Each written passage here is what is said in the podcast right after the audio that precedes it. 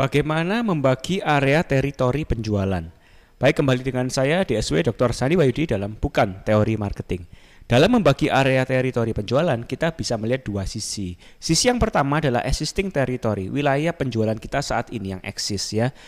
Misal kalau kita punya lima orang sales, maka kontribusi masing-masing sales ya rata-rata 100% dibagi 5 kan kurang lebih 20%.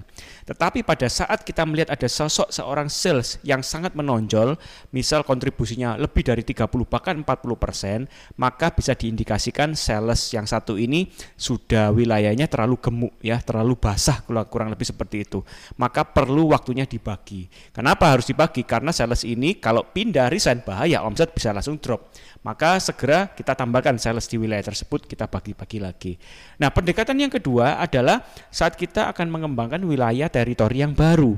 Nah, aspek kedua ini kita bisa lihat ya, kalau misal kita selama ini belum pernah masuk ke Pulau Kalimantan atau Sulawesi, kita akan menjajaki pulau yang baru tersebut, maka kita mulai berikan wilayah yang agak luas ya beberapa provinsi sekaligus kepada satu orang sales ya memang cakupannya luas tetapi karena omsetnya masih sedikit karena dia masih ketok pintu masih penjajakan awal nggak masalah. Wilayah luas kita berikan karena omsetnya masih sedikit. Nah nanti kalau mulai omsetnya berkembang kita mulai atur lagi untuk bisa menambahkan jumlah sales yang baru di wilayah tersebut.